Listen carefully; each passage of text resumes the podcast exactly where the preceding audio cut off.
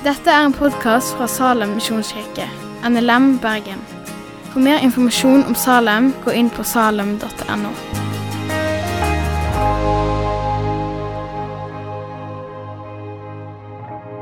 For dere som hørte talen forrige lørdag til Kristian, en veldig bra tale. Eh, vi har samme taleserie, Sendt. Så har du alltid hørt det uttrykket at du skal hoppe etter Wirkola. Men det kom til Salem, så kom det et nytt begrep inn i livet mitt som overgår. Det handler om å tale etter Kristian Lilleheim. Så det skal jeg prøve i dag. Så får vi se hvordan det går. Enten så går det, eller så går det over. Og Kristian snakket om det å være sendt. Altså skal få kraft. Og i dag snakker vi om det å være sendt, og hvordan det har vært litt forskjellig. Så vi se hva som er beskrevet frimodighet og gjestfrihet i en tid med motstand.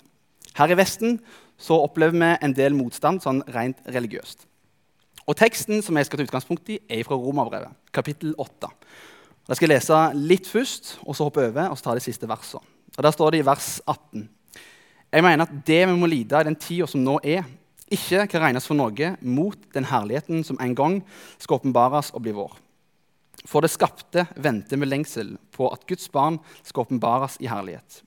Det skapte ble underlagt forgjengeligheten, ikke frivillig, men fordi han ville det slik. Likevel var det håp, for også det skapte skal bli frigjort fra slaveriet under forgjengeligheten og få den frihet som Guds barn skal eie i herlighet. Vi vet at helt denne dag sukker og stønner alt det skapte samstemt.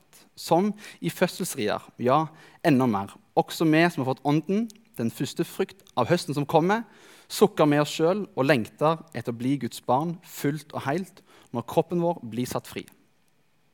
For i håpet er vi frelst. Et håp vi alt ser oppfylt, er ikke noe håp. Hvordan kan noen håpe på det de ser? Men hvis vi håper på noe vi ikke ser, da venter vi med tålmodighet. Og så til vers 31. Hva skal vi da si til dette?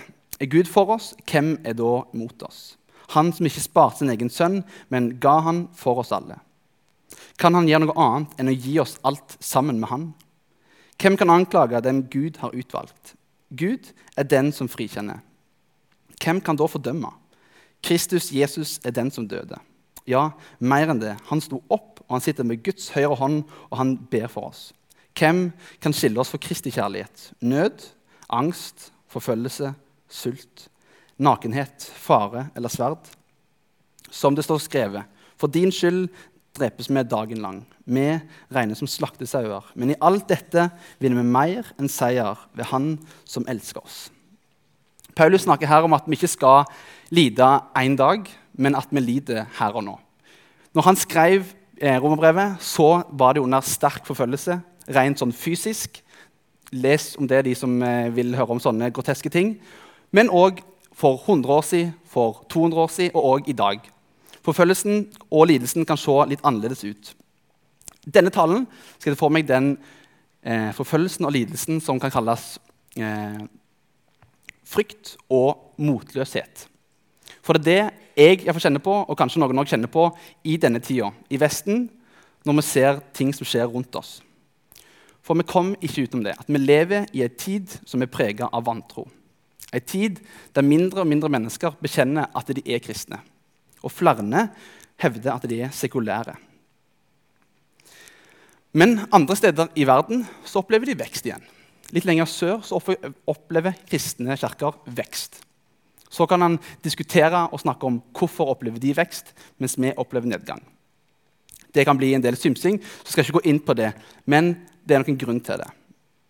Så om ikke du oppfører deg som en struts, en struts, en stor fugl med en vanvittig kraft og fart, og så når han ser en, eh, en fare, så stikker han hodet sitt i bakken, i jorda. Så blir det helt svart, og så er frykten helt vekke. Tror han. For en komplett idiot vil et normalt oppegående menneske tenke. Og alle andre dyr òg, tror jeg. For en struts som stikker hodet sitt ned i bakken og tror faren over når han stikker hodet i bakken, det er ikke sant. Så det er kanskje det som skjer med deg hvis du oppfører deg som en struts i dag og du ikke ser rundt deg hva som skjer i verden Fordi vi kommer ikke utenom det, at mindre og mindre mennesker i verden har lyst til å si at de er kristne. Før så var det det at alle døpte seg, og så var det noen som var aktive i kirka. I dag så er det også mindre og mindre som velger å døpe seg fordi de ønsker å ta lengre og lengre avstand. Og det er det som har vært påvirkningen av den kristne tro inn i Norge. Det var påvirkning av eh, undervisningen vår og alle skolegangene våre. Det var sånn Skolen begynte her i Norge med at vi fikk undervisning for du skulle konfirmere deg. og da måtte du ha undervisning. Og Sånn har den kristne tro båret Norge gjennom 1000 år. Og Kristne med en sånn tradisjonell overbevisning av seksualitet og ekteskap de blir sett på som trangsynte. Og vi blir sett på som hatefulle fordi vi tror sånn som vi tror. Og som resultat av dette så blir den posisjonen som vi har hatt der framme, bare satt mer og mer tilbake. Og vi som kristne vi blir satt helt ut av spill i forhold til hva vi er vant til. Så velkommen inn i en tid prega av vantro. En tid der færre og færre bekjenner seg som kristne. Og hva skal vi gjøre med dette? Jeg tror at vi på nytt kan blomstre. Jeg tror at vi kan reise oss på nytt. Og jeg tror at vi kan prege samfunnet vårt på en god måte og en sunn måte. Men da må vi gjøre noe snart. For noe inni oss velger å si at dette, dette vil jeg gjøre noe med. Dette kan vi ikke ha noe av, og dette kan vi ha en endring på. Men hvordan tar vi og responderer på dette? Vi ser at vi blir sett på som hatefulle. Hva gjør vi med det? Vi blir sett på som trangsynte. Og hvordan gjør vi det med det? Vi kan respondere på en måte, noe som kan kalles for en sånn fordømmelseskultur. Der vi som kristne lager en egen boble, en egen getto, der vi går lenger og lenger vekk fra verden. Fordi der nede der er de syndere, der eh, har de korrupsjon, og der tror de feil om evangeliet om Jesus. Men her oppe her tror vi rett. Så Da holder vi oss på avstand, så da slipper vi å ha ta hensyn til de som er der nede. For da har vi kontroll her oppe. Og midt inni denne tida, med disse subkulturene, disse gettoene rundt forbi med sine meninger, og den store verden som blir bare større og større, så trenger vi kristne å ha mot til å kunne stå opp for det Bibelen sier, og opp for evangeliet. Og Når vi snakker om dette, så tenker mange at mot er ikke uttrykket, ordet, som jeg kjenner på når vi snakker om dette. Men uttrykk som frykt og redsel er kanskje mer passende. Og En som heter James Hollingworth, har sagt at mot er ikke fravær av frykt, men heller bestemmelsen av noe annet er viktigere enn frykten. Mot er ikke fravær av frykt, men heller bestemmelsen av noe annet er viktigere enn frykten. Altså Det å være modig vil ikke si at du ikke kjenner på frykt. At du føler deg fryktløs i møte med alle hindringer som møter deg. Men det handler om å bestemme seg. Hva er det som er viktig? Er det frykten eller er det saken som du kjemper for? For vi har så lett å tenke at fravær av frykt, det er mot. Men det er ikke sant. Hvis det ikke er frykt, så er det heller ikke mot. For du må kjenne på frykten for å kunne være modig. Og så var det dette innen denne tida. Hvordan kan vi vise dette? Hvordan skal vi vise mot? Og jeg tror gjestfrihet kan være en ting som kan komme til uttrykk med mot i denne tida. Det å leve modig kommer til uttrykk gjennom gjestfrihet. Og Når Bibelen nevner gjestfrihet, så nevner han nesten alltid om fiender, om fremmede. Altså folk som er litt annerledes enn oss. Fordi vi, vi som magneter. Vi tiltrekker oss folk som er helt like oss. Men Bibelen nevner det motsatte. Folk som er ulike oss. Hvis jeg skal komme opp med en sånn bibelsk definisjon på gjestfrihet, så har det vært noe lignende. Og ønsker velkommen til deg som er utenfor din normale vennekrets. Og ønsker velkommen til deg som er utenfor din normale vennekrets. Og Det handler om å ta Bibelen på alvor. Det handler om å åpne hjertet ditt, åpne heimen din for de som er litt annerledes, og vise kjærlighet. Og Forfatteren av brevbrevet har skrevet det i sitt kapittel 13. Hold søskenkjærligheten levende. Glem ikke å være gjestfrie. For på den måten har noen hatt engler som gjester uten å vite det. Og Gjestfrihet det er så viktig for Gud at når Paulus skriver sitt brev, og han skriver hva som er viktige egenskaper for å sitte i eldsterådet, så nevner Paulus opp noen punkter. For han må ikke kunne anklages for noe. Han må være én kvinnes mann. Han må være nøktern, forstandig, høflig, gjestfri, dyktig til å undervise. Så å vise gjestfrihet og være gjestfri Det er en av de viktige og de sentrale egenskapene for å bli kvalifisert som en eldste. Så hvorfor snakker Bibelen så mye om gjestfrihet som det tilsynelatende gjør? Skal det koke ned til én ting, så er det at Gud han har vært gjestfri imot oss. Så når vi levde som fiender imot han, så viste han gjestfrihet til sine fiender med at han redda oss som syndere. Han inviterte oss til å spise ved hans bord, i hans evige heim.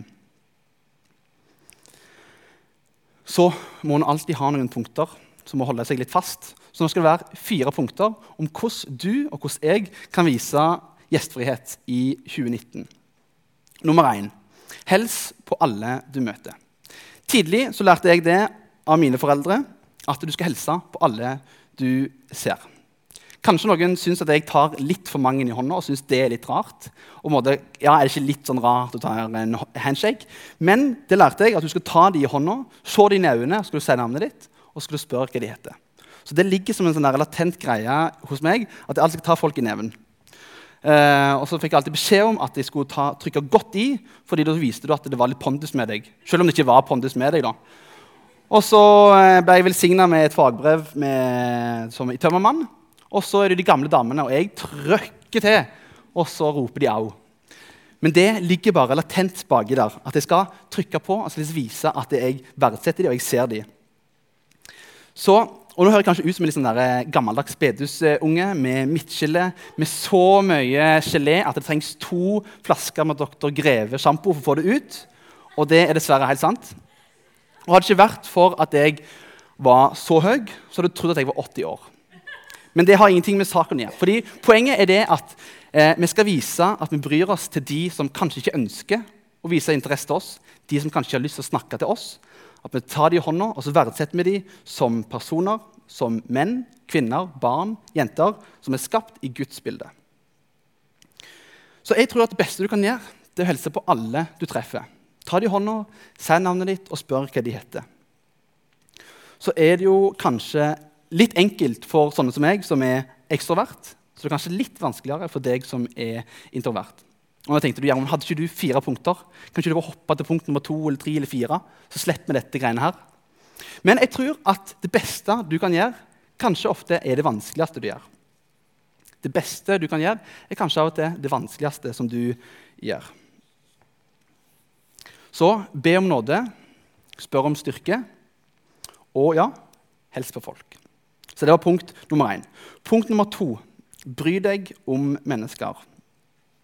Bry deg om mennesker. Vis interesse i dem. Og dette tror jeg ikke er så vanskelig. For dette handler om å stille et spørsmål som har en litt åpen slutt. Det er liksom ikke 'Hva heter du?' eller 'Hvor gammel er du?' Det er eh, avslutninger som er med et punktum bak. Så spørsmål som 'Hva er det du gjør?' Jo, du, jeg jobber som ingeniør. Kult. Hva er det en ingeniør er? Jeg har ikke peiling. Hvordan er vanlig uke for en ingeniør? Hvordan ser det ut? Hvordan ser mandagen din ut? Ok, kult. Tirsdagen er helt lik, eller? Den òg, ja? Er det noen som er ulike? Ikke det? Kult. Syns du det er drit, eller syns du det er kult? Og så tenker du at dette er veldig opplagt. Men jeg opplever, opplever i, hvert fall i mine samtaler at det er sånne ting som kanskje unnlater litt i samtalene våre. Vi vet at vi bør spørre dem, men så ender det med at vi bare stiller de vanlige spørsmålene som ikke blir kjent med folk. Og så kan du må si ja, fortell meg litt om livet ditt. Hvor lenge har du vært gift? Hvor lenge har dere vært i lag? Hvor traff dere hverandre? Er det noe du syns er bra med ekteskapet? Gjerne tips til meg, forresten. Eh, og har du hatt vanskelige perioder? Tenker du bare, wow, Dette ble veldig personlig. Men jeg tror, hvis du har prøvd det, vil du oppleve at mange har behov for å snakke på dybden. Eh, fordi vi lever i en verden hvor vi kjenner alle, men så kjenner vi egentlig ingen. For, for du kjenner han Henrik? Ja, ja, ja. ja, ja. Hva er det han holder på med igjen? Jeg husker ikke. jeg. Var han, var han rundt 20-30? Jeg husker ikke helt. Men du kjenner han? Ja, ja. ja, ja. Kjenner godt til han. God mann. god mann. Men vi kjenner de egentlig ikke. Vi kjenner de med navn, men ikke noe mer. Og så lever vi i en tid der eh, noen har tusenvis av venner på Facebook, men ingen venner som taler sannheter inn i livet vårt. Vi har tusenvis av venner, men ingen som kan si når vi har gått over en strek. Vi har kanskje ikke jeg, 100 likes på Instagram. Jeg vet ikke om det er eller lite. Men det er ingen som tør å si fra, eh, eller som kan gå til hvis vi har gått over ei grense med trøtt i en sølepytt som vi ikke burde gått i. Jeg tror at folk er sultne i dag på samtaler som går dypere enn bare været. Bare hva det er du gjør på. Så vis interesse og bry deg i personer der de er. Det var punkt nummer to. Punkt nummer tre la måltidet bli en prioritet. Og Bibelen snakker om igjen og om igjen og om igjen om dette med måltider. At det skjer noe spesielt. Lange måltider med god mat, god drikke, godt selskap og gode samtaler som sirkler rundt trua vår, sirkler rundt håpet vårt, frykten vår for ting som står utenfor. Det er gode samtaler. Det er gode måltid. Og Tenk over i Bibelen da, og evangeliene hvor mange samtaler som skjer rundt måltidet. F.eks. Sakkeus, tolleren. Han som har tatt inn masse penger og kjøpt seg ingenting annet enn elendighet. Så ser han det sjøl, og så når han sitter sammen med Jesus i måltidet, så åpner han seg for Jesus. Og så bekjenner han for han hva han har gjort, og så sier han jeg har lyst til å gi tilbake igjen, og gi enda mer tilbake igjen enn det jeg har tatt Jesus. Eller det som vi skal feire senere, nattverden, når Jesus feirer det siste måltid sammen med disiplene sine. Ting skjer med måltider. Måltider kan endre liv. Så gir det til en prioritet. Og jeg mener ikke måltider sammen bare med venner, men selvfølgelig det er bra med måltider med venner. Med smågrupper de inviterer gode venner med inn. Men husk, den bibelske gjestfriheten som jeg eh, prøvde meg på tidligere, er å ønske velkommen de som vanligvis ikke er i din vennekrets. Og det handler om å åpne livet ditt, åpne heimen din, for de som tror litt annerledes enn deg. Og la måltidene med de som er i din omkrets, i din nærhet, bli til en prioritet. Inviter de inn i heimen din, inviter de inn i livet ditt og bli kjent med dem. Engasjer de i livet deres, elsk de, tjen de, og gå sammen med dem gjennom denne verden. En verden som er knust, som er forlatt, mens du ser etter muligheter. Hvordan kan jeg vitne til disse om den kjærligheten som han har vist? Han som døde for å invitere deg til hans bord, til hans måltid, som er bedre enn mitt. Og ikke bare til mitt eh, nei, kjødelige hjem, men til hans åndelige hjem. Til vårt hjemland i himmelen. Altså gir måltidene til en prioritet, for måltider endrer liv. Punkt nummer fire. I alt dette elsk outsideren. På alle arbeidsplasser, i alle nabolag, ja, ikke i Salem, forresten. Der er det ikke outsidere. Men eh, overalt så finnes det personer som på en eller annen måte er litt utenfor. Kanskje de har flytta til nabolaget ditt, kanskje flytta til byen din eller til landet ditt. Kanskje Gud har satt dem sammen på en litt annen måte. Kanskje livets oppturer og nedturer har prega dem i større grad enn hos deg. Og Uansett årsak så bor disse menneskene rundt deg. Du jobber med dem eller studerer sammen med dem. Og nå tenker du elsker outsidere. Det har jeg hørt før, og det funker ikke. Jeg kjenner godt til dem, men det er jo en grunn til de er outsidere. De er litt annerledes, de er litt rare. Sosialt så er de litt av. Og hver gang jeg har vist interesse, så har jeg ikke akkurat vist interesse tilbake igjen. Og Så skjønner jeg at du føler sånn, selv om du ikke sier det høyt, kanskje.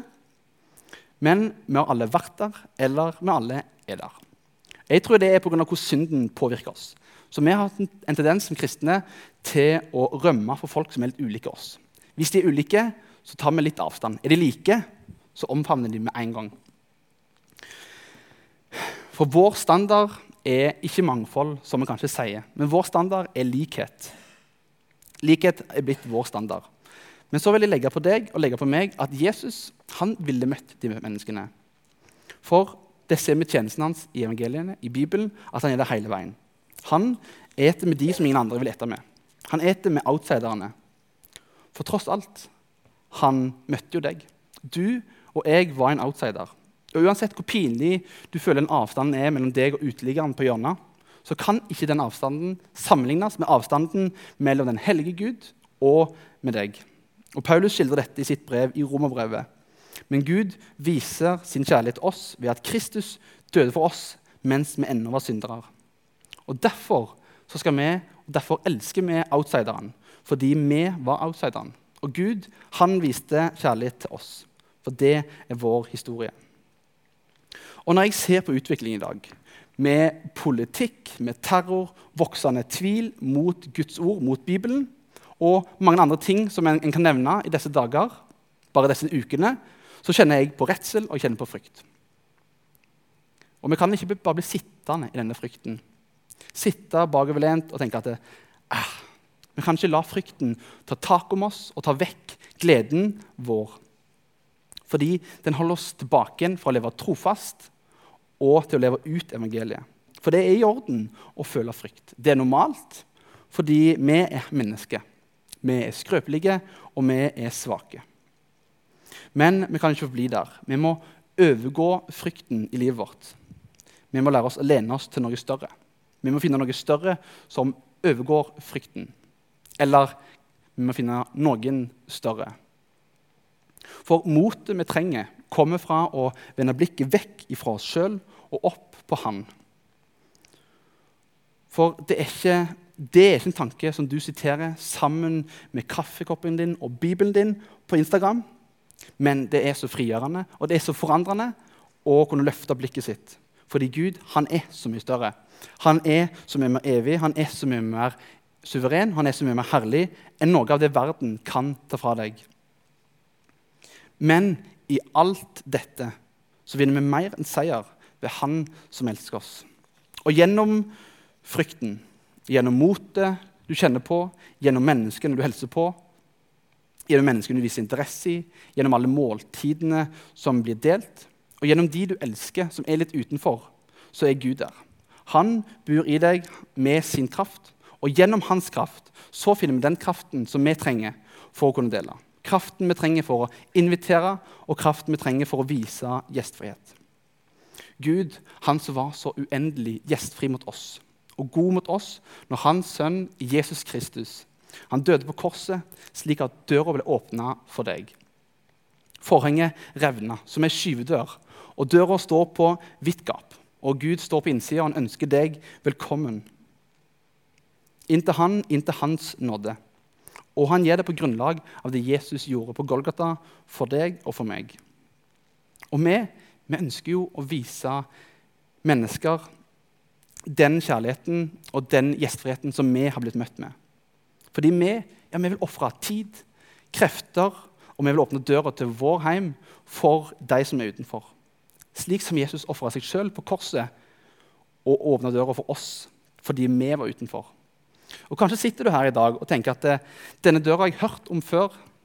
Denne døra det har jeg faktisk sagt litt om sjøl til andre. Men har du egentlig sett den? Har vi egentlig sett denne døra som står på åpen glutt?